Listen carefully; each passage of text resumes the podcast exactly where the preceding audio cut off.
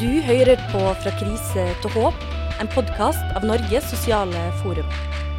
Velkommen til denne episoden om Brigadeprosjektet. Mitt navn er Ane, og jeg har lyst til å starte denne episoden med å introdusere et nytt medlem i redaksjonen, Silje Kvanvik. Vil du si litt om deg selv, Silje?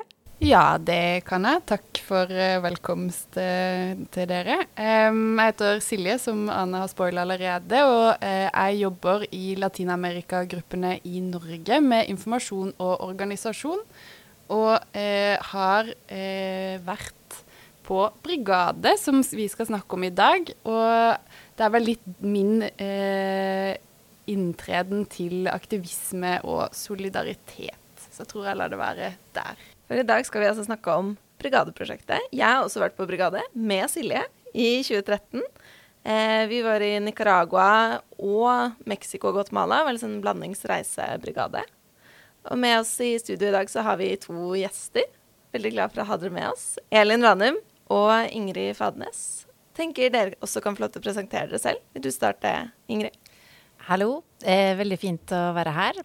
Jeg heter Ingrid Fatnes. Jeg har også vært på brigade. Det var Og nå skal jeg allerede eh, si solidaritetsbrigade, fordi vi som har vært på brigade, vi sier ofte vi har, vært på brigade.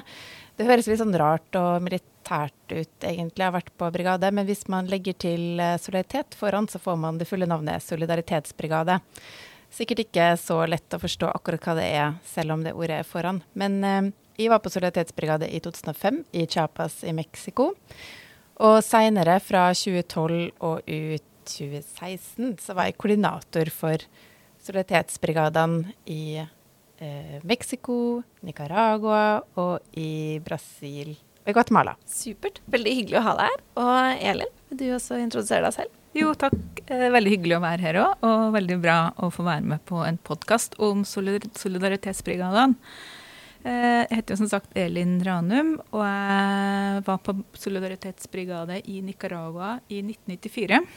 Og jobba egentlig veldig mye med brigadeprosjektet eh, etter brigaden. Eh, var brigadesekretær, som det het på den tida, eller da prosjektkoordinator i Norge i 1998 og 1999. Og så bodde jeg veldig mange år i Mellom-Amerika. Og når jeg kom tilbake, så ble jeg med i brigadestyret. Og da satt jeg i brigadestyret fra 2010 til 2018. Så jeg har vært med i lang tid.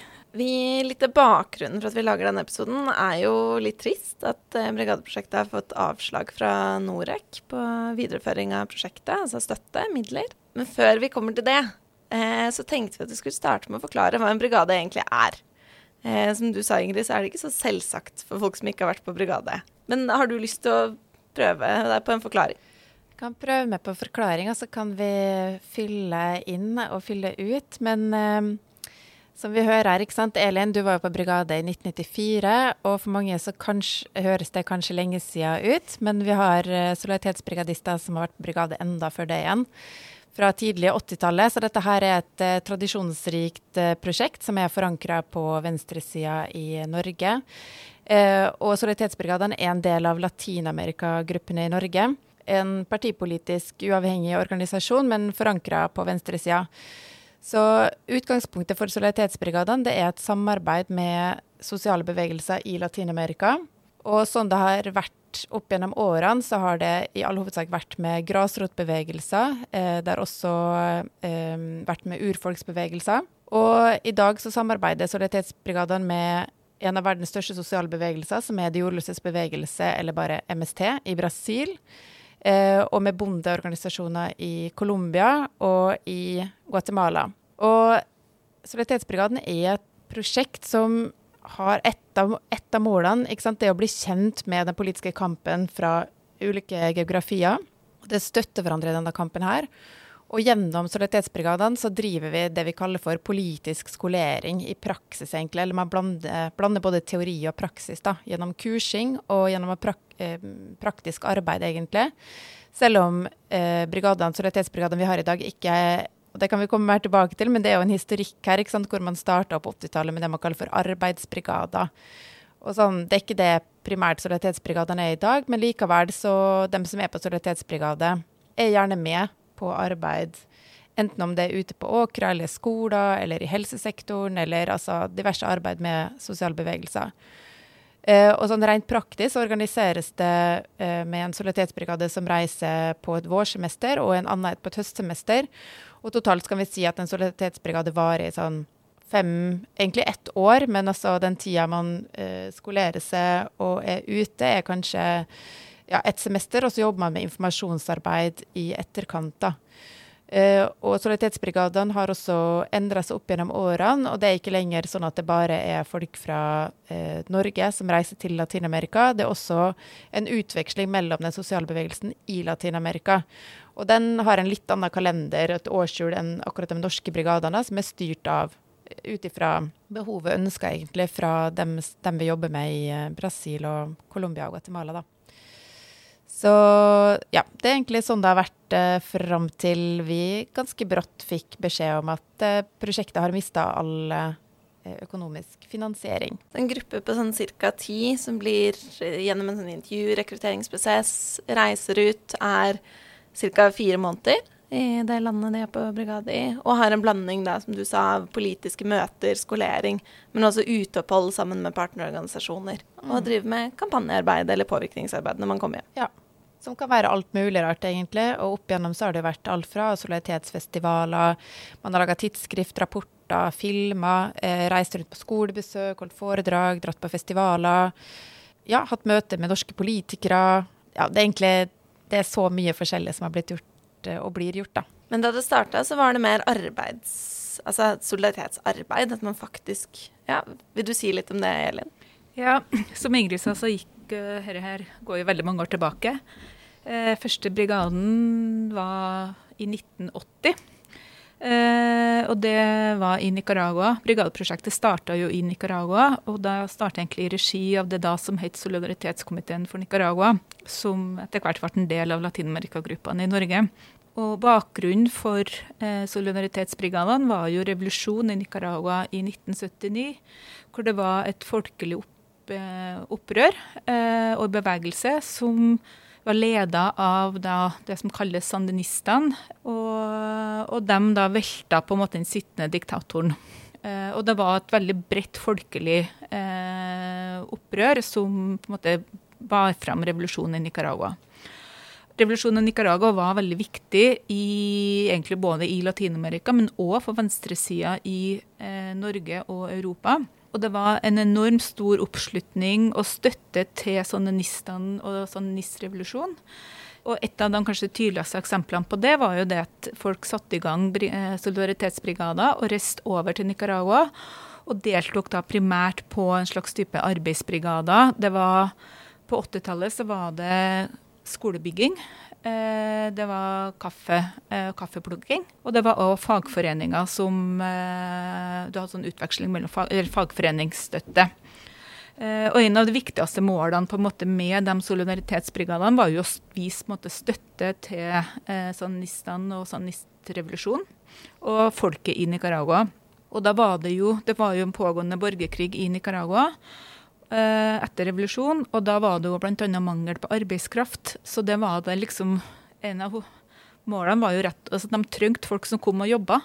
Og da reiste folk, tok seg fri og reiste over og bygde skoler og plukka kaffe. Um, så dette her pågikk egentlig store deler av 80-tallet. Men fra 1988 så, ja, så ble det forandra. Så da ble det egentlig Solidaritetsbrigaden gikk inn og ble en del av noe som heter et sånt type landsbyutviklingsprosjekt. Vi kalte det Palsilla-prosjektet. Eh, som da fikk finansiering av, av, Norad. Og det var jo egentlig med å være med å støtte eh, noen lokalsamfunn i Nicaragua på å altså, være med å bygge opp og støtte under deres utvikling, rett og slett. Så da samarbeida eh, Nicaragua-komiteen med ONAG, som en stor bondeorganisasjon i Nicaragua. som et svært, egentlig består av veldig mange ulike bondekooperativ. Og da jobba vi i samarbeid egentlig med da ONAG, eh, og da drev de en del sånn egentlig vanlig, typisk prosjektvirksomhet. da. Eh, og så hadde du da brigadister som kom over. Det var to, som Ingrid sa, to brigader i året. Eh, en på vårsemesteret, en på høstsemesteret. Eh, og der også var det jo på en måte Formålet var jo å eh, liksom støtte folket i Nicaragua og deres kamp, eh, og drive informasjonsarbeid i Norge. Eh, og jeg var jo med på en av de brigadene i 94. der sånn, Og samtidig som en hadde landsbyutviklingsprosjektet, så havna vi ordentlig rett oppe i jordkonflikten i Nicaragua etter at sandinistene tapte valget i 1990. Eh, jeg var jo sjøl på, på, brigade i en, i en, liten landsby hvor eh, vi havna midt i den eh, jordkonflikten, hvor du da hadde en tidligere godseier som prøvde på en måte hadde solgt jorda si videre. og han nye eieren prøvde på en måte å presse ut de bøndene vi bodde til. Eh, og da ble det jo òg på en måte en kamp om jordrettigheter. Men vi vet jo nå at i dag så er det ingen av de småbøndene som bodde i den landsbyen, de bor der ikke i dag. Det vi fant ut i lag etter hvert, var jo det at eh, LAG var ikke en typisk bistandsorganisasjon, ønska heller ikke å bli det. Eh, og da la vi egentlig ned den landsbyutviklingskomponenten, og så begynte vi å endre litt på brigadeprosjektet med å bare ha fokus på ett land, til å sondere på en måte muligheten for å gå, eh, ha brigader til flere land. Så fra 1997 så satte vi i gang en slags det vi kalte den nye brigademodellen.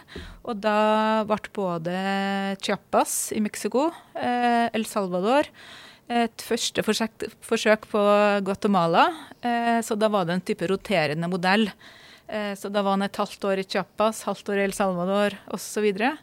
Og etter hvert så ble det jo utvikla mer og mer med at en la til noen land i Sør-Amerika. Da kom både Brasil og Bolivia. Eh, og så ble det jo en del endringer etter hvert på hvilke land som kunne få finansiering. Så de eh, siste årene har det vært Brasil, Guatemala og Colombia. Eh, så du kan si at det har jo forandra seg, men grunntanken med liksom at det er solidaritet i praksis, den har vært med hele veien da, fra dag én og til nå. Kanskje kan jeg legge til i forhold til denne sondering av eh, hvor solidaritetsbrigadene eh, kan være, og hvor de har vært opp gjennom årene. Jeg var jo ikke med på den sonderingsprosessen der, da, men, men eh, når vi snakker om Nicaragua, så er det knytta til revolusjonen med sandinistene i 1979. Og det at brigaden Rote Chiapas i Mexico, som er den sørligste delstaten i Mexico eh, på 90-tallet, handler om et eh, urfolksopprør som kom i 1994 som også eh, skapte store ringvirkninger egentlig på venstresida internasjonalt. Tiltrakk seg mange folk, og det var viktig med tilstedeværelse pga. også en eh, eskalerende eh, væpna, ikke væpna konflikt, faktisk, fordi zapatistene inngikk en ikke-skytningsavtale med den meksikanske staten som de aldri respekterte tilbake. da men med en økende tilstedeværelse av militære og paramilitære grupperinger i området. Eh, samtidig som zapatistene lanserte et politisk prosjekt på venstresida som veldig mange var interessert i, og fremdeles er interesserte i i dag.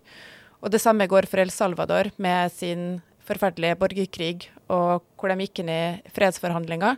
Hvor også venstresida, med FMLN i spissen, egentlig, som, et, eh, som var et veldig viktig politisk parti på venstresida i El Salvador, eh, gikk inn sammen med grasrota og prøvde å bygge opp demokrati nedenifra. Og, og Bolivia har også sant, den samme historien med sterk grasrot og urfolksbevegelser, som førte også til store endringer og omveltninger i det landet der. Da.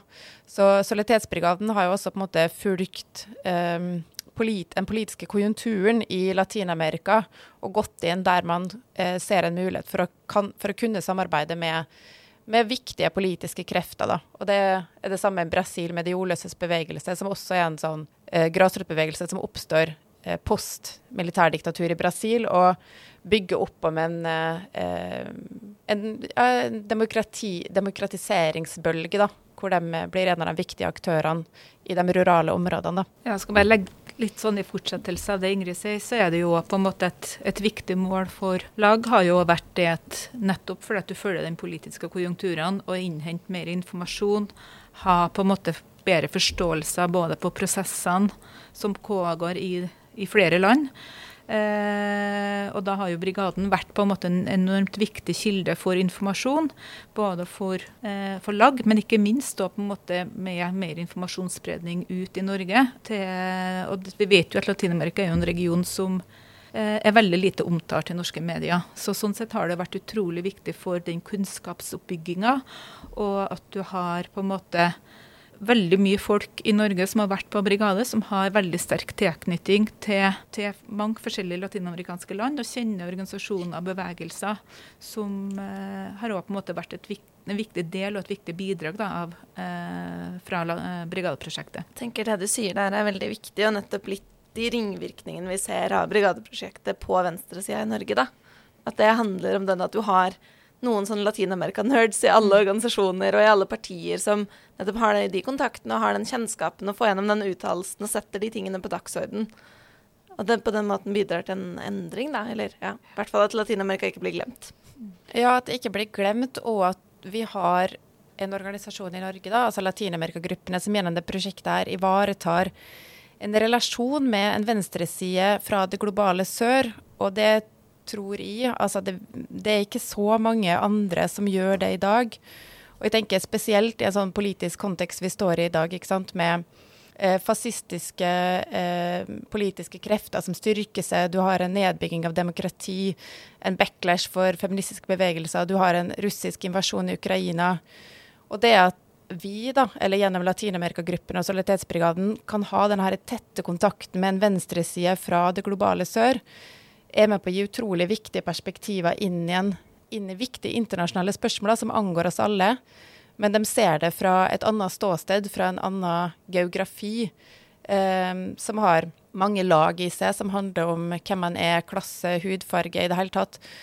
Så det er også kanskje et sånt viktig, viktig aspekt som er lett å glemme, fordi Kanskje man eh, ser på Solidaritetsbrigaden eller ofte Latin-Amerika-kjennere som ja, nettopp det, Latin-Amerika, eh, framfor å på en måte se litt forbi eh, det og se at man jobber med eh, store og viktige politiske organisasjoner og bevegelser på venstresida, som fortsatt holder denne internasjonale solidaritetsfana høyt, når kanskje andre har sluppet den litt ned. Mm.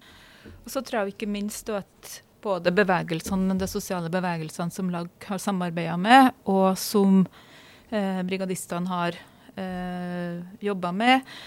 Altså, de har jo både medlemmer, men òg altså sånn, hva du betyr som brigadist for, for, folket du faktisk er til. Altså, jeg har bodd på landsbygda i til sammen tre måneder ca. Og bare for den familien at jeg var, var der. Og den støtten du viser folk som Altså det er noe med at de får også følelse av at de er ikke alene i den kampen. Eh, de kjemper hver enda dag. Og at det er liksom både den betydninga det har for eh, sosiale bevegelser, men òg for mennesker som ingen egentlig bryr seg om. Og de sitter jo veldig ofte og er de som kjenner sterkest på kroppen at jo, urettferdigheter, det at de ikke har rett til jord, at de ikke har helt grunnleggende rettigheter oppfylt. At det er noen som faktisk gidder å ta turen over fra Norge og være der, det er enormt viktig. Og det tror jeg er en sånn ting som er egentlig med det er derfor at solidaritet er så enormt viktig. Den støtten du viser liksom fra menneske til menneske, bevegelse til bevegelse, organisasjon mellom organisasjon, land mellom land. Eh, at den har så mange dimensjoner, og at det er en verdi som det er helt umulig å tallfeste. Eh, men den er enormt stor, og den tror jeg det er veldig viktig at vi ikke mister. Eh, at, vi, at, vi, ikke slutter å se verdien av det da. Du sa jo nettopp det i stad, Ingrid, at det er nettopp en solidaritetsbrigade. Vi sier veldig ofte brigade, men det er en solidaritetsbrigade. Og det tenker jeg handler om akkurat det vi sitter og snakker om nå, da. Om den grunnleggende tankegangen i prosjektet, og at det er ja, man jobber nettopp sammen med de sosiale bevegelsene. Det er ikke noe Man yter ikke bistand til noen, eller man Ja, eh, den side om side-tankegangen. Altså det å se at de kampene hører sammen. At man har felles interesser, eller hva man skal si, da. At det er ikke Selvfølgelig ikke fordi jeg var i Latin-Amerika pga. mine personlige interesser, men fordi vi har felles interesser i de kampene, og de henger ned. De er globale, da. Mm, ikke sant. Som er felles uh, utfordringer, felles uh, spørsmål ønsker drømmer om en bedre verden. ikke sant? Vi ønsker eh, rettferdighet, vi ønsker demokrati, vi ønsker deltakelse for alle. Eh, vi ønsker at eh, ressursene skal fordeles likt, at det ikke skal være et ulikhetsgap mellom folk. ikke sant? Og alle de tingene ser vi jo snakke om her hjemme i Norge også i stadig større grad. Det er veldig bra. Mens i Latin-Amerika så blir dette her også satt helt på spissen. Da? Det er et av de områdene med størst ulikhet mellom folk, og hvor du har eh, ja, eh, hvor veldig få mennesker eier veldig store deler av jord og, og naturressurser. Men likevel liksom, så er et sånn her prosjekt, selv om du kan si at realitetene ikke alltid er sammenlignbar, så kan samtalen om eh, felles spørsmål være veldig viktig og lærerikt. Og gi oss en ryggmargsrefleks på, å reagere, på, å reagere på urettferdighet. Ofte så tenker jeg at solidaritet handler om det. Solidaritet på venstresida, det handler om en ryggmargsrefleks. Når dine kamerater blir utsatt for eh, vold, for undertrykkelse, så står du der. Du er der. Du lurer ikke på eh, er det riktig, skal jeg ta den hashtagen nå eller ikke, eller skal det være sånn eller sånn farge, eller hva skal jeg si. Det er bare en helt sånn ofte en grunnleggende forståelse da, for uh, rett og urett i, i, verden. Det blir kanskje litt banalt sagt, men jeg tror det er viktig å holde fast på um, hva solidaritet er for oss på, på venstresida i tider hvor man bruker ordet for å få folk til å støtte våpeneksport til uh, Ukraina. Ikke det at det er feil, men uh, solidaritet er et ord som er sterkt forankra på venstresida, og som handler om på en måte langsiktige uh, politiske ønsker da, for hvordan vi, ønsker, eller hvordan vi vil at verden skal være. da. Og en forståelse av at man, man kan ikke hva skal jeg si, Man er ikke en øy, og man kan ikke bare bygge et sosialdemokratisk Norge og eksportere våpen og holde på, og så er det flott, liksom. Men at det er den globale i det. At alt henger sammen. Og at, ja. Jeg tror kanskje det jeg lærte mest om på brigade, var på en måte mitt syn på Norge. Å se det litt utenfra, og se det fra Latin-Amerika. Um, ja, For å bygge på, på det, eh, og hva brigade egentlig har betydd eh, for vi som sitter her, som jo har en ganske tett og nær historie til prosjektet, så vil jeg også støtte opp om det Ane sier om mitt syn på Norge forandra seg. Jeg dro kanskje litt blåøyd og naiv ut eh, i en verden jeg ikke helt skjønte så mye av, men eh, forsto fort at Norge ikke nødvendigvis var den uskyldige parten jeg tenkte, tenkte det var. Det er også noe som bidro til at vi de senere årene også har jobba veldig mye med å plassere Norge inn i denne globale tankegangen. Eller når vi står der skulder ved skulder i kampen med kamerater i sør, så står vi der også og ser bort på Norge og ser og tenker og kanskje stiller mer spørsmål i hva, hva gjør vi, og hvorfor har, har Norge egentlig en, en rolle i dette, og i mange tilfeller i Latin-Amerika, så ser vi jo at faktisk Norge har en finger med i spillet. Enten det er en finger med fredsdiplomati, eller det er norsk næringsliv i regionen, eller det er ulike bistandsprosjekter man ser som har ulike konsekvenser. Og det er kanskje noe av det viktigste jeg tar med meg videre fra prosjektet og min ja, er den, det, det skråblikket hele veien på å se at Norge, til tross for et lite land, har noe eh, med eh, ting å gjøre, og kan også bidra til at ting kan bli gjort annerledes. da. Eh, og for å gli liksom litt over, sømløst over i det, så hva har prosjektet egentlig betydd for dere? Både personlig og kanskje i et større perspektiv? For meg så har det betydd uh, veldig mye. Jeg var på brigade i 2005 i Chiapas, og det har vært uh, veldig definerende for hvilke veivalg jeg har gjort videre.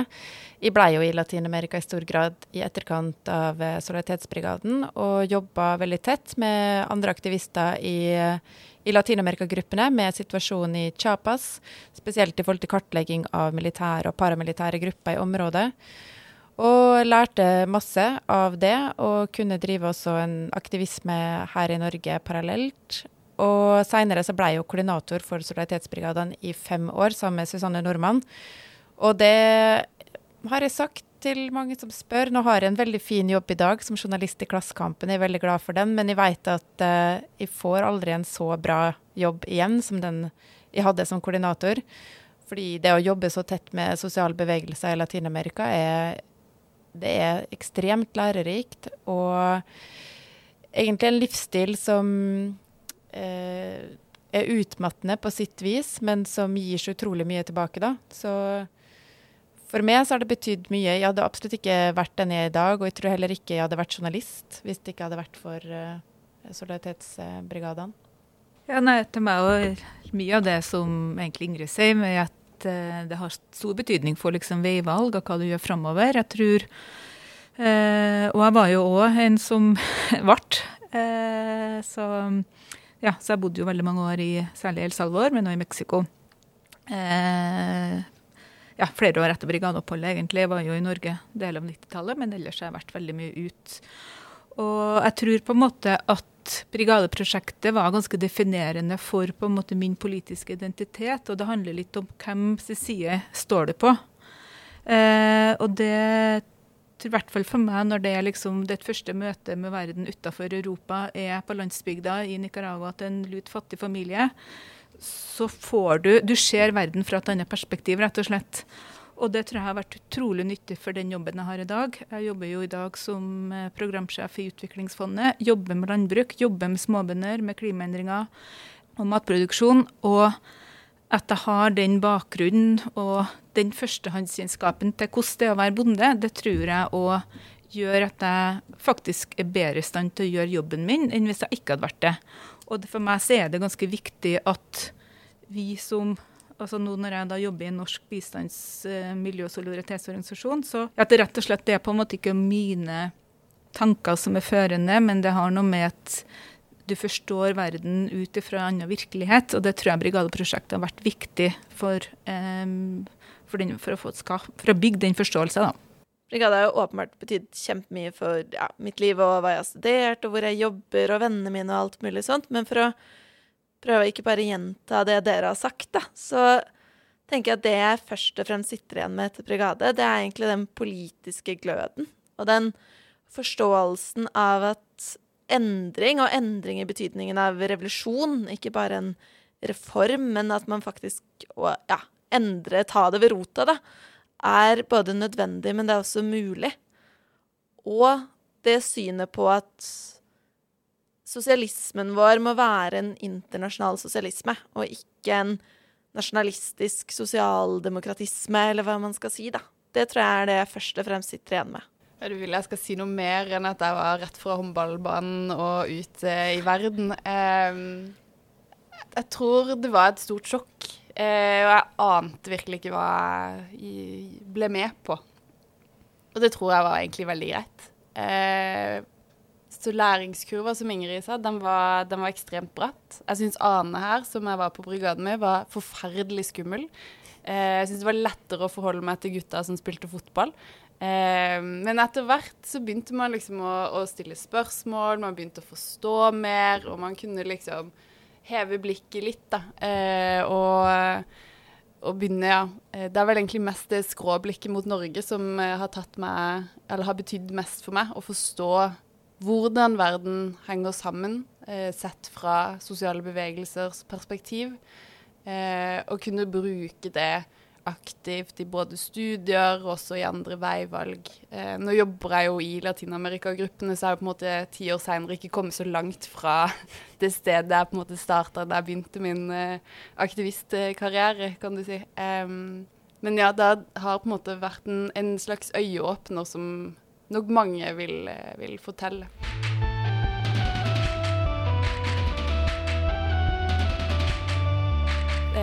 det med industri og energi kan jo også si litt om hva eh, prosjektet i seg sjøl har betydd for eh, venstresida i Norge.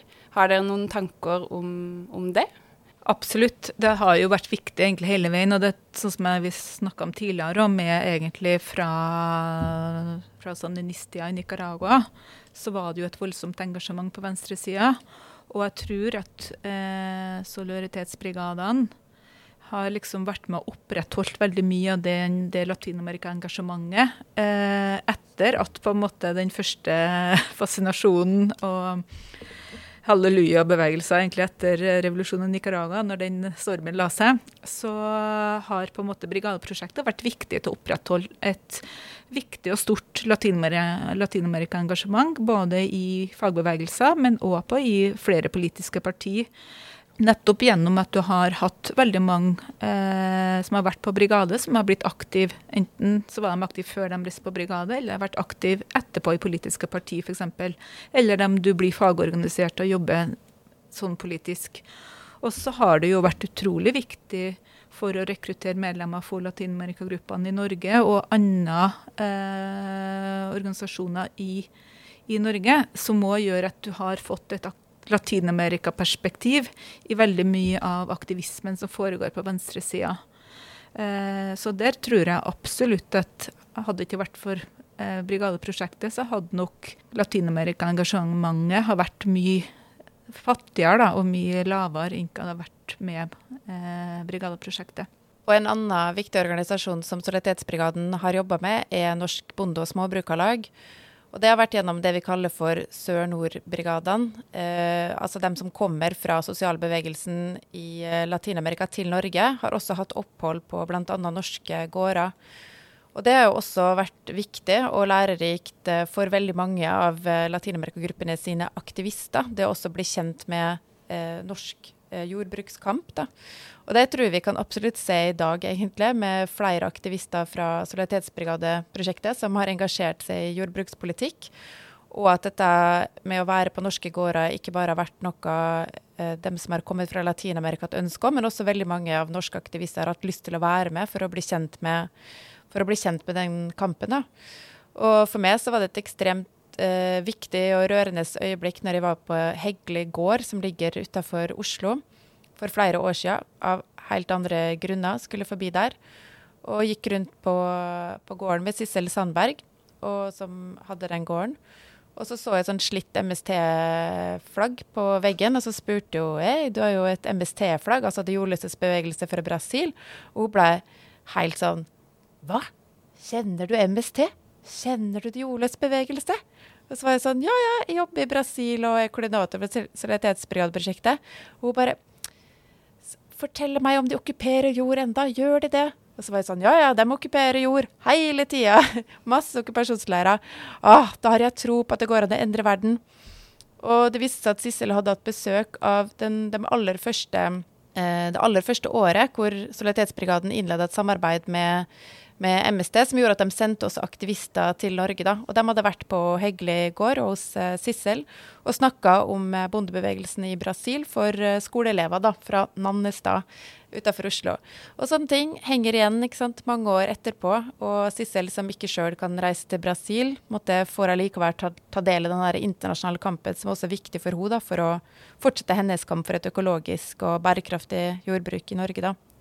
Du spurte om brigadeprosjektet betyr for venstresida. Og jeg tenker at hvis vi skal være litt rause i vår forståelse av venstresida, da med Arbeiderpartiet og liksom hele den brede venstresida, så tenker jeg at det er litt solidaritetskrise. At det er litt solidaritet er litt ut. Eh, det er ikke så mye snakket om. Det er sånn som du sa i stad, Ingrid. Det er snakket om når vi snakker om Ukraina, men det stopper veldig der. Ellers så er vi ikke så opptatt av solidaritet, kanskje både Arbeiderpartiet og fagbevegelsen, egentlig. Hvis jeg skal sparke litt i flere retninger. Og jeg vet ikke om alt var bedre før, eller om det bare er min idé om hvordan det var før, men jeg føler at det er mindre snakk om solidaritet, mindre snakk om verden utenfor Europa, mindre snakk om Det er veldig fokus på eh, Norge, da. Jeg er helt enig. Det, og man kan sikkert eh, Eller det er sikkert mulig å drøfte hvorfor det er sånn, og hvorfor det har blitt sånn. Og det er sikkert eh, sammensatt, men det er jo noe som har skjedd. Og for Latin-Amerika-gruppenes eh, historiefortelling, den historiefortellinga vi har som organisasjon, som er eh, dem som drifter eller har Solidaritetsbrigadeprosjektet, så ville jo ikke det ha vært en organisasjon uten det, den solidariteten som fantes. ikke sant? Eh, som organisasjon så oppstår man på grunn, eller i hvert fall sammen med, den politiske eh, bølgen, altså eh, bølgen av politiske flyktninger fra Latin-Amerika som kommer pga. brutale militærregimer. Og du har fagbevegelse i Norge, du har organisasjoner som adopterer politiske flyktninger, som jobber knallhardt for å få dem hit, som engasjerer seg eh, og er med på disse her politiske prosessene og gir folk beskyttelse. Og dette her er jo med på å bygge opp det som i stor grad kanskje var liksom kjernen i solidaritetsmiljøet eller bevegelsen i Norge, hvis vi kan si det. Egentlig så er det jo bare det at veldig mange organisasjoner hadde et internasjonalt perspektiv, at det var viktig å jobbe internasjonalt. Og det er det jo kanskje ikke i like stor grad i dag, eller det kan vi vel kanskje slå fast at det er det jo ikke. Derfor er det jo utrolig viktig å opprettholde de eksemplene som finnes, da, og de prosjektene som faktisk finnes, og som fortsetter eh, med det her. Et annet samarbeid som du kan si har også oppstått, i hvert fall jeg vil ikke si pga. Solidaritetsbrigaden, men som har hatt en påvirkning som er kanskje litt vanskelig å, å peke sånn helt konkret på. Men er, er den eh, politiske oppvåkninga i Norge når det kommer til Sápmi og, og urfolkskamp i Norge. Og dette her er selvfølgelig satt sammen av mange mange ulike faktorer, men vi har eh, hatt noen helt viktige, viktige personer som har vært med på Solidaritetsbrigade, som er samisk og som har jobba knallhardt for å skape også en rett og slett drevet liksom politisk skolering og opplæring også i norske aktivister i hva urfolkskamp betyr i Norge. Hva betyr det fra et samisk ståsted? Og vi har hatt eh, folk som har kommet fra den sosiale bevegelsen i Latin-Amerika til Norge, som også har vært eh, i samiske områder. Og dette er noe som bare har vokst de siste årene, som ikke fantes før da jeg var på brigade. Da var det ikke et sånn her type samarbeid. I hvert fall så er ikke det meg bekjent, at det kan jo være at de heller ikke kjenner til det. Så jeg tar et lite forbehold der. Men, men eh, det som jeg har vært, i hvert fall i min periode i Solidaritetsbrigadeprosjektet, så har det vært utrolig sterkt å se snakket, eller Du snakka i stad om betydninga når, du, når solidaritetsbrigadistene er på landsbygda og side om side, kanskje okkupasjonsleirer i ganske tøffe situasjoner. Da, det å stå der. Og det har vært også spesielt sterkt å oppleve det andre veien, da, når du har hatt uh, urfolksaktivister fra en organisasjon som heter Conavigo i Guatemala, som har kommet til sørsamiske områder hvor de kjemper imot utbygging av vindturbiner. Og så gjennomfører de en seremoni for å beskytte deres territorium. Og det er klart dette her er sterkt eh, begge veiene. Og også under aksjonene som vi så tidligere i år sant, for eh, Fosen-saken her i Norge, så kommer det solidaritetshilsninger fra Latin-Amerika. Fordi organisasjonene der, tilbake til det med ryggmargsrefleks og bare skjønner hva folk står i, så trenger ikke de å stille veldig mange spørsmål, for de skjønner OK, dette her skjer, liksom. Og da er det våre kamerater, våre venner, våre søstre og brødre blir båret bort, blir tatt av politiet. Eh, vi vil sende dem en solidarisk, eller vi vil sende dem en hilsen fra våre territorier til dem. Så der har det også skjedd noe som jeg syns er utrolig interessant, som er ganske sånn nytt, og som er selvfølgelig et resultat av arbeidet til først og fremst samiske aktivister, men også organisasjoner rundt. Og for Latin-Amerika-gruppene sin del så har det vært helt avgjørende at vi har hatt en kontakt med aktivister fra Sápmi for å skolere oss sjøl i viktige spørsmål også her. I forlengelse av det er også den forståelsen av Norge sin rolle, da. At man nettopp får den ryggmargsrefleksen som du snakker om, Ingrid, som gjør at man ikke kjøper det at jo, men dette er jo et fornybar energiprosjekt som Statkraft holder på med, eller her bygger vi ut vannkraft eller vindturbiner eller hva det skal være i Latin-Amerika. Det er til gode for folk der, men at man ikke kjøper den med en gang, men har den ryggmargsrefleksen og den forståelsen av urfolkskamp og hva det faktisk vil si å bygge ned noens territorium og noens hjemland. Ja, det er jo heller ikke til å legge skjul på at mens Fosen-aktivistene ble båret ut av regjeringskvartalene av politiet, så ble demonstranter eh, fra Mapuche-samfunn i Chile som demonstrerte mot et vannkraftanlegg av Statkraft, eh, også eh, skutt på av militarisert politistyrker. Ja, og midt oppi, alt, midt oppi alt dette så sender da urfolkslederen fra dette Mapuche-samfunnet, eller den spirituelle lederen for for flere Mapuche-samfunn i det området, sender da en solidaritetshilsen til Fosen-aktivistene for å på en måte uttrykke solidaritet og hvor viktig det er å stå sammen i disse kampene. Og de tingene her ikke sant, er utrolig viktige. Og, og nå, eh, også den våren her, så kommer det også besøk fra Chile. Det har det også vært før, men altså Mapuche-representanter kommer på nytt. Og det å komme hit ikke sant, og kunne også møte Fosen-aktivister og se på kampene her og at de snakker sammen om eh, hvilke selskap er inne på deres territorium, på hvilken måte vil de forhandle med lokalsamfunn. Og dette her er jo for så vidt ikke i regi av solidaritetsbrigadene som sådan, men av Latin-Amerika-gruppene bl.a. Men allikevel så er det umulig å skille enkle Latin-Amerika-gruppene eller solidaritetsbrigadene fra hverandre, fordi, ja, som Eli nevnte i stad, liksom en viktig rekruttering innen organisasjonen er solidaritetsbrigadeprosjektet og folk blir engasjerte og fortsetter med ting. Ja, det er så mye, egentlig. Det var liksom sildre videre som en, som en elv. Men nå har altså Brigadeprosjektet fått avslag på videre støtte fra Norec. Hva, for de som ikke er helt oppdatert, kanskje du vil ta oss litt gjennom det som har skjedd, Silje? Det kan jeg i hvert fall prøve på. Men før vi gjør det, så kan vi jo kanskje forklare hva Norec i det hele tatt er. Eh, Norad er også nevnt, for så vidt, og Norad er da eh, bistands... Eller en del av eh, Utenriksdepartementet som forvalter bistanden til Norge. Og Norec er da en annen eh, institusjon under Utenriksdepartementet som eh, er da Norsk senter for utvekslingssamarbeid. Eh, de bytta navn ganske nylig og het tidligere Fredskorps, og det er nok det navnet som folk fortsatt kjenner de som, eh, både inn- og utland. Eh, men nå heter de altså Norec. Og Elin var jo litt inne på det. Det har jo vært et veldig langvarig samarbeid med, med Norec, da. Vi har hatt støtte fra de i eh, ja, godt over 20 år, vil jeg si, eller ca. 20 år.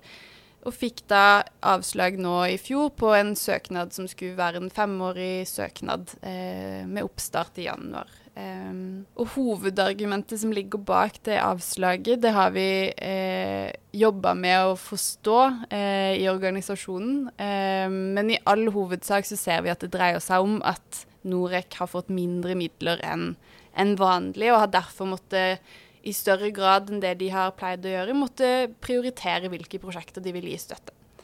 Eh, og da, i den prioriteringa, så ser jeg en av tilbakemeldingene brigade, eller Solidaritetsbrigaden har fått, er at vi ikke treffer på regjeringas utviklingspolitiske mål.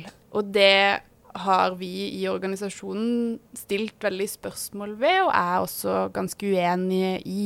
Um, og det har vi også prøvd å formidle videre til, til Norec, og inngå samarbeid og samtaler med de, og også videre med Utenriksdepartementet, for å, for å prøve å forstå, forstå, hva det er de mener, og forstå mer bakgrunnen for et sånn type avslag. Da. Og så kan jeg jo si at det avslaget kom veldig brått på. Vi fikk dette avslaget helt i starten av desember og skulle hatt oppstart av eh, prosjektet januar.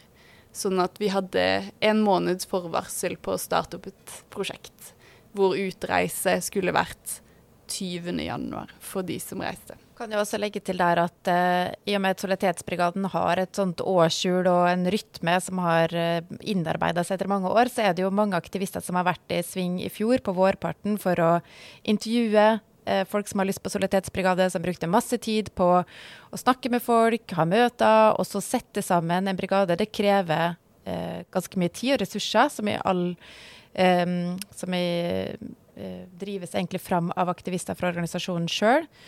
Og så er det og, søknadsrunde for dem som skal være koordinator for prosjektet, som også ble gjort eh, fjor tidlig høst. Intervjurunder masse tid som går med til det på ansettelsesprosesser som skal gjøres ordentlig.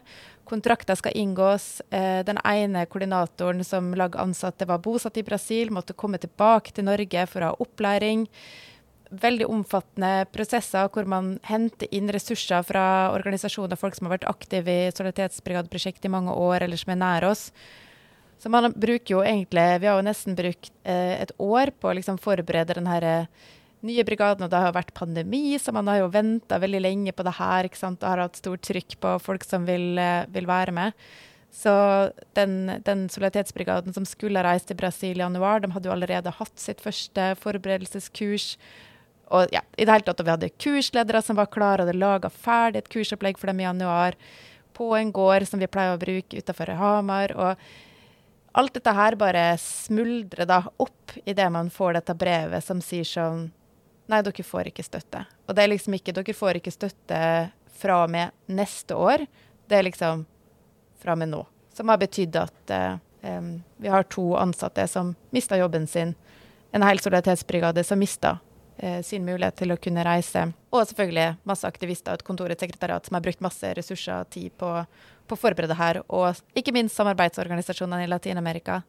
Så det har vi vel opplevd, og når vi har snakka med andre organisasjoner om dette avslaget her, at mange stilles ganske sånn Ja, folk blir litt sjokkert over at man har brutt samarbeidet så brått, da. Og at vanligvis eh, så vil man ha på en måte midler til å fase ut prosjekt, eller liksom gjøre det i en dialog, da. Mens her var det bare sånn Ja, bare klippet over en snor, liksom, og var sånn Nei, det, det var dessverre ikke penger til alle, så ja, dere fikk ikke. Sorry, liksom. Jeg tror Norek kanskje ble tatt på senga. Jeg tror det var flere som ble tatt på senga av at de faktisk fikk mindre midler, fordi du må gå litt tilbake i statsbudsjettet for å se at det er en reduksjon i, i midlene de, de, fikk tildelt. Da. Eh, at når man sammenligner med et før-pandemibudsjett, så har de fått det samme som I stedet for å få en økning fra forrige gang det var utveksling tatt hensyn til prisøkninger og ditten og datten, så ser vi at de har fått det samme som de hadde i 2021, hvor det ikke, eller tilnærma i hvert fall ikke var noe særlig reisevirksomhet. Eh, sånn at det er jo for så vidt et ganske stort kutt, og det tror jeg Norek også ble tatt litt på senga, rett og slett. Eh, og så kan jeg jo legge til at den, all denne forberedelsen du snakker om, er jo ikke noe vi gjør uten å informere Norek om. Det visste de veldig godt om, og de visste og virka jo i hvert fall på tilbakemeldinga vi fikk, som om de gleda seg like mye som oss til at uh, dette prosjektet skulle starte opp. Men ja, det er i hvert fall litt det som er status. Prosessen etter avslaget var jo å få informert alle ansatte, få informert partnerne våre. Uh, for de skjønte jo heller ingenting av hva som skjer. Uh, for de har jo også prosjektet vært en slags konstant i hverdagen deres. Um, så det var prosjektet, og mulighetene et sånt avslag gir oss, er jo å anke. Det gjorde vi. Vi fikk et avslag på anken, og har da fått anken sendt videre til Utenriksdepartementet, hvor saken ligger nå, da. Det blir kanskje litt vanskelig å spekulere i. Du sier jo at det handler om kutt i midler. Og da kan man jo for så vidt rette kritikken opp og hvorfor har man kuttet midler, hvorfor prioriterer man ikke internasjonalt på samme måte som før. Men hvorfor tror vi at vi har fått avslag? Er det er solidaritet umoderne? Passer vi ikke inn i det her systemet lenger? Vi har jo fått støtte i 20 år nå. Hva, hva er det som har skjedd? Jeg tror det ligger noe der som er viktig å, å dvele ved, og som mange av oss eh, siden avslaget har diskutert mye rundt, og som egentlig kunne vært en utvida diskusjon med større deler av organisasjonsmiljøet i Norge. Um, om hvordan kan et sånn her prosjekt, eller hvor kan et sånn her prosjekt passe inn i dag? Eh, Norad har sine prioriteringer og retningslinjer. Latin-Amerika-gruppene mottar jo støtte derfra. Og så er det Solidaritetsbrigaden som har forholdt seg til Norec, som er sine retningslinjer. Og det er klart at det språket som har utvikla seg innenfor bistanden, for å ha sånn det man kaller for målretta bistand, og det språket som har utvikla seg også innenfor Norec i forhold til eh, det man snakker om eh, med bærekraftsmål, og at man må oppfylle altså man må oppfylle noen sånne, eller tikke på noen sånne bokser ikke sant, som er viktige, som er prioriterte mål. Og det er ikke så lett å gjøre når man driver med et solidaritetsprosjekt som Solidaritetsbrigadene er. Vi kan f.eks. ikke flette inn i prosjektet at vi jobber med resirkulering av plast i havet, selv om det er kjempebra og viktig for dem som driver på med det. Um, eller andre helt sånne konkrete uh, måloppnåelser. Uh, som kan kvantifiseres og måles. Da. Det er ikke så lett å måle solidaritet.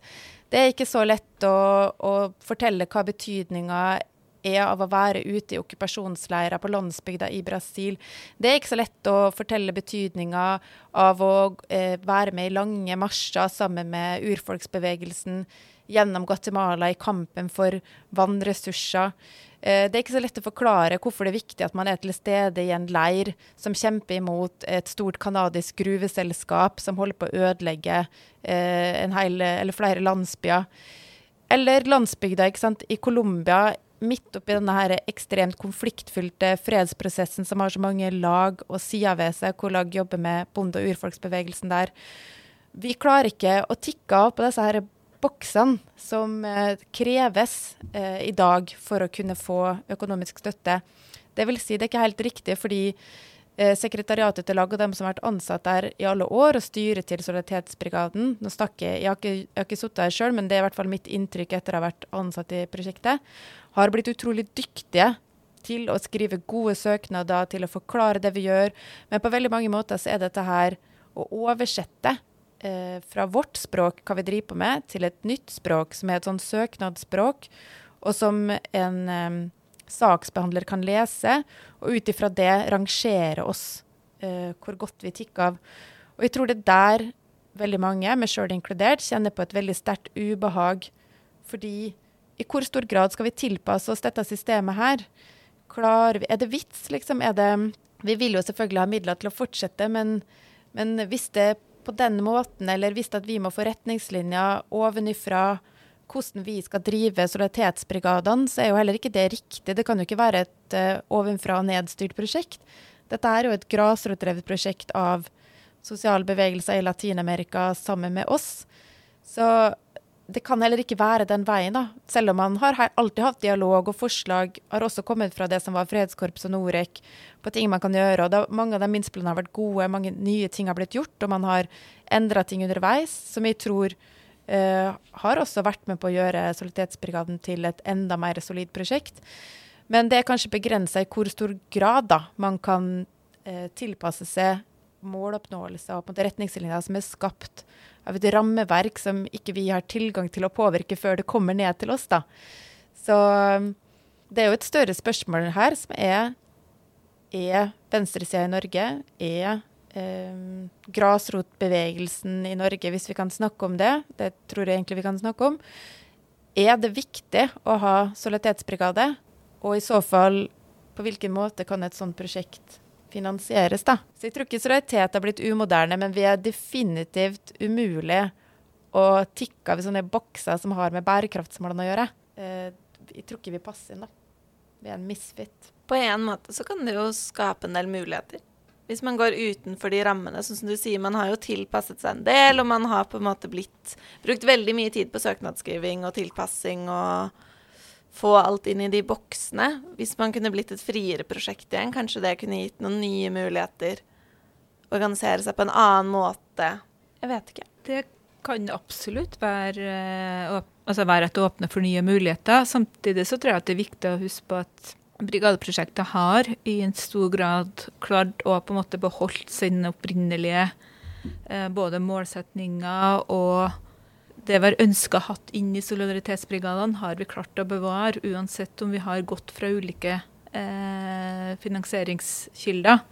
Sånn at eh, da tror jeg at det er òg eh, en sånn For meg handler det litt om hva, hva er det vi vektlegger, og hvordan klarer det vi å skape den forståelse av at det er veldig, altså, det er veldig mange ulike ting som bidrar til endring, og at det er ikke nødvendigvis en enkelt ting, eller at du jobber helt målretta mot å oppnå en spesifikk ting som gjør at verden endrer seg. Og det er jo noe vi ønsker. Det er jo på en måte et mål om å skape en mer rettferdig og bedre og bærekraftig verden. Det tror jeg er, det er liksom det bærekraftsmålene skal prøve på.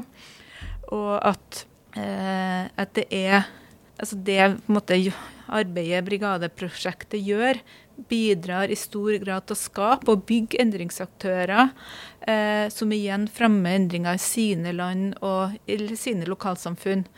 Eh, og det er jo sånne aktører som vi òg ønsker å få frem og høre på, at de skal være med å utforme på en måte utviklinga og politikken.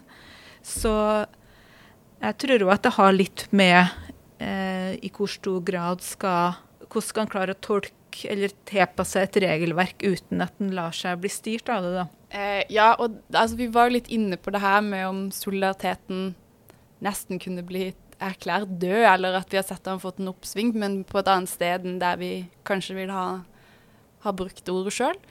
Eh, så ser vi jo nå at utenfor de rammene eh, som Norek har gitt oss, da, i og med at vi ikke har støtte fra de lenger, så ser vi jo på en måte at solidariteten kanskje i beste velgående lever og er ganske sterk. Um, de som skulle reist til Brasil eh, i år, de har begynt å selvorganisere seg.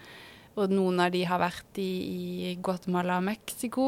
Eh, Seinere skal noen nå i mai dra til Brasil, og da er det partnerorganisasjonen, altså MST, De jordløses bevegelse, som som organiserer og har tatt på seg ansvar, både økonomisk, men også organisatorisk, til å ta imot disse nordmennene for å gi dem en innføring i hva eh, internasjonal eh, solidaritet betyr, og hva det vil si å være en grasrotsorganisasjon i Brasil. Så tenker det, det finnes muligheter, og det viser at kanskje også at det finnes muligheter utenfor de rammene vi har vært eh, kobla på i så mange år, da at det egentlig er både skummelt, eh, Eh, og det er litt som å ta støttehjula. Eh, men det, det kommer òg noe positivt ut av det. Ja, jeg tror vi har veldig mye å lære av eh, sosiale bevegelser som ja, MST eller Zapatistene i Chiapas, eller det her å ikke gjøre seg avhengig av uh, ytre faktorer da, for å drive med det som er vårt viktigste politiske prosjekt. Så det tenker jeg at eh, det har det jo også vært et slags bevis på, da, med at den brigaden med nye aktivister bare OK, dette er realiteten. Greit. Da tar vi utgangspunkt i det. Vi, eh, og det var støttekonsert i jula med Onesorg, ikke sant. Og folk som har bare stått på og gjennomfører kurser likevel. Folk som stiller opp. Så det viser jo bare en sånn enorm vilje og drivkraft, da, og den tenker jeg er så viktig. fordi at hvis ingenting hadde skjedd, så hadde det også kanskje Da kan vi snakke om en slags død over solidaritetsbrigadeprosjektet hvis folk ikke hadde brydd seg. Men det har vært det totalt motsatte. En massiv eh, støtte fra så mange steder. Både folk som har sendt spørsmål og uttalt seg og skrevet brev og i det hele tatt. Så det er jo veldig sterkt. Og også ja, både CNA i Colombia, Coco, Conavigua i Guatemala. Det, ingenting av dette her stopper deres arbeid, og kontakten er der fremdeles. Så det, det er utrolig viktig. Så, og sterkt. Og kanskje enda sterkere fordi vi har vært gjennom en pandemi. Så eh, vi har jo hatt mindre fysisk kontakt de siste årene. Så det er utrolig viktig at, de, eh, at det drar en delegasjon fra den opprinnelige solidaritetsbrigaden til Brasil. Spesielt i disse tider hvor uh, Brasil er også gjennom store politiske Jeg vil ikke si kanskje endringer, men det var jo en stor endring med et uh, regjeringsskifte. Uh, det, men det er tøffe tider på grasrota i Brasil. Det er en uh, voldsspiral som har gått i feil retning, og, og, en helt annen situasjon på bakken enn det det var sist vi hadde solidaritetsbrigader i Brasil Brasil. Så de tingene er bare så utrolig viktig, da. At noen drar og er der og lytter og har de samtalene òg. Og kan komme tilbake og dele det med, med både Latin-Amerika-gruppene og andre organisasjoner. Jeg tror òg det som vi ser nå, er jo et så tydelig eh, uttrykk for egentlig hvor utrolig vellykka og godt samarbeidet mellom på en måte lag og samarbeidspartnerne og brigadeprosjektet har vært. Eh, det at en nettopp har en har liksom partnere som en stoler på, som stoler på Latin-Amerika-gruppene. Som også det at MST, Det Julius' bevegelse, at de finansierer uh, en måned for uh, en del av brigaden. Det viser jo at det er enormt viktig for dem. det hadde de jo aldri gjort hvis det ikke hadde vært viktig. Og det tror jeg er liksom Det vi ser nå, er jo liksom det at Eh, jo, det er et etablert samarbeid, det er et etablert prosjekt og konsept som veldig mange ønsker skal videreføres. Og en har et fundament å bygge videre på. Og det eh, gjør jo at det nettopp er mulig for folk å reise over og eh, være sammen med våre samarbeidspartnere sjøl, men ikke har en koordinator. Sånn at eh, det viser seg jo at i løpet av alle årene vi har holdt på, så har vi fått til enormt mye. Og at både det samarbeidet mellom Latin-Amerika-gruppene og sosiale bevegelser, det fortsetter. Og ikke minst at solidariteten er på ingen måte død. Jeg tror tvert imot på en måte så er det jo ofte også sånne situasjoner som gir den en ekstra giv da, og gnist, eh, som gjør at på en måte eh, aktivistene og kampen og solidariteten, den bare lever videre. Det ble litt som floskete avslutning. Viva la revolusjon! Solidariteten er ikke død. Den lever videre, i hvert fall på den radikale venstresida. Jeg syns det er flaskete, men det er en fin avslutning. Ja. Tusen takk for at dere ville være med oss og snakke om eh, Brigadeprosjektet, som vi åpenbart alle har et veldig stort hjerte for. Så er vi spent på veien videre. Du har hørt podkasten 'Fra krise til håp' fra Norges sosiale forum. Er du spørsmål til denne episoden, kan du sende til podkast.globalisering.no. Flere episoder hører du der du hører podkast.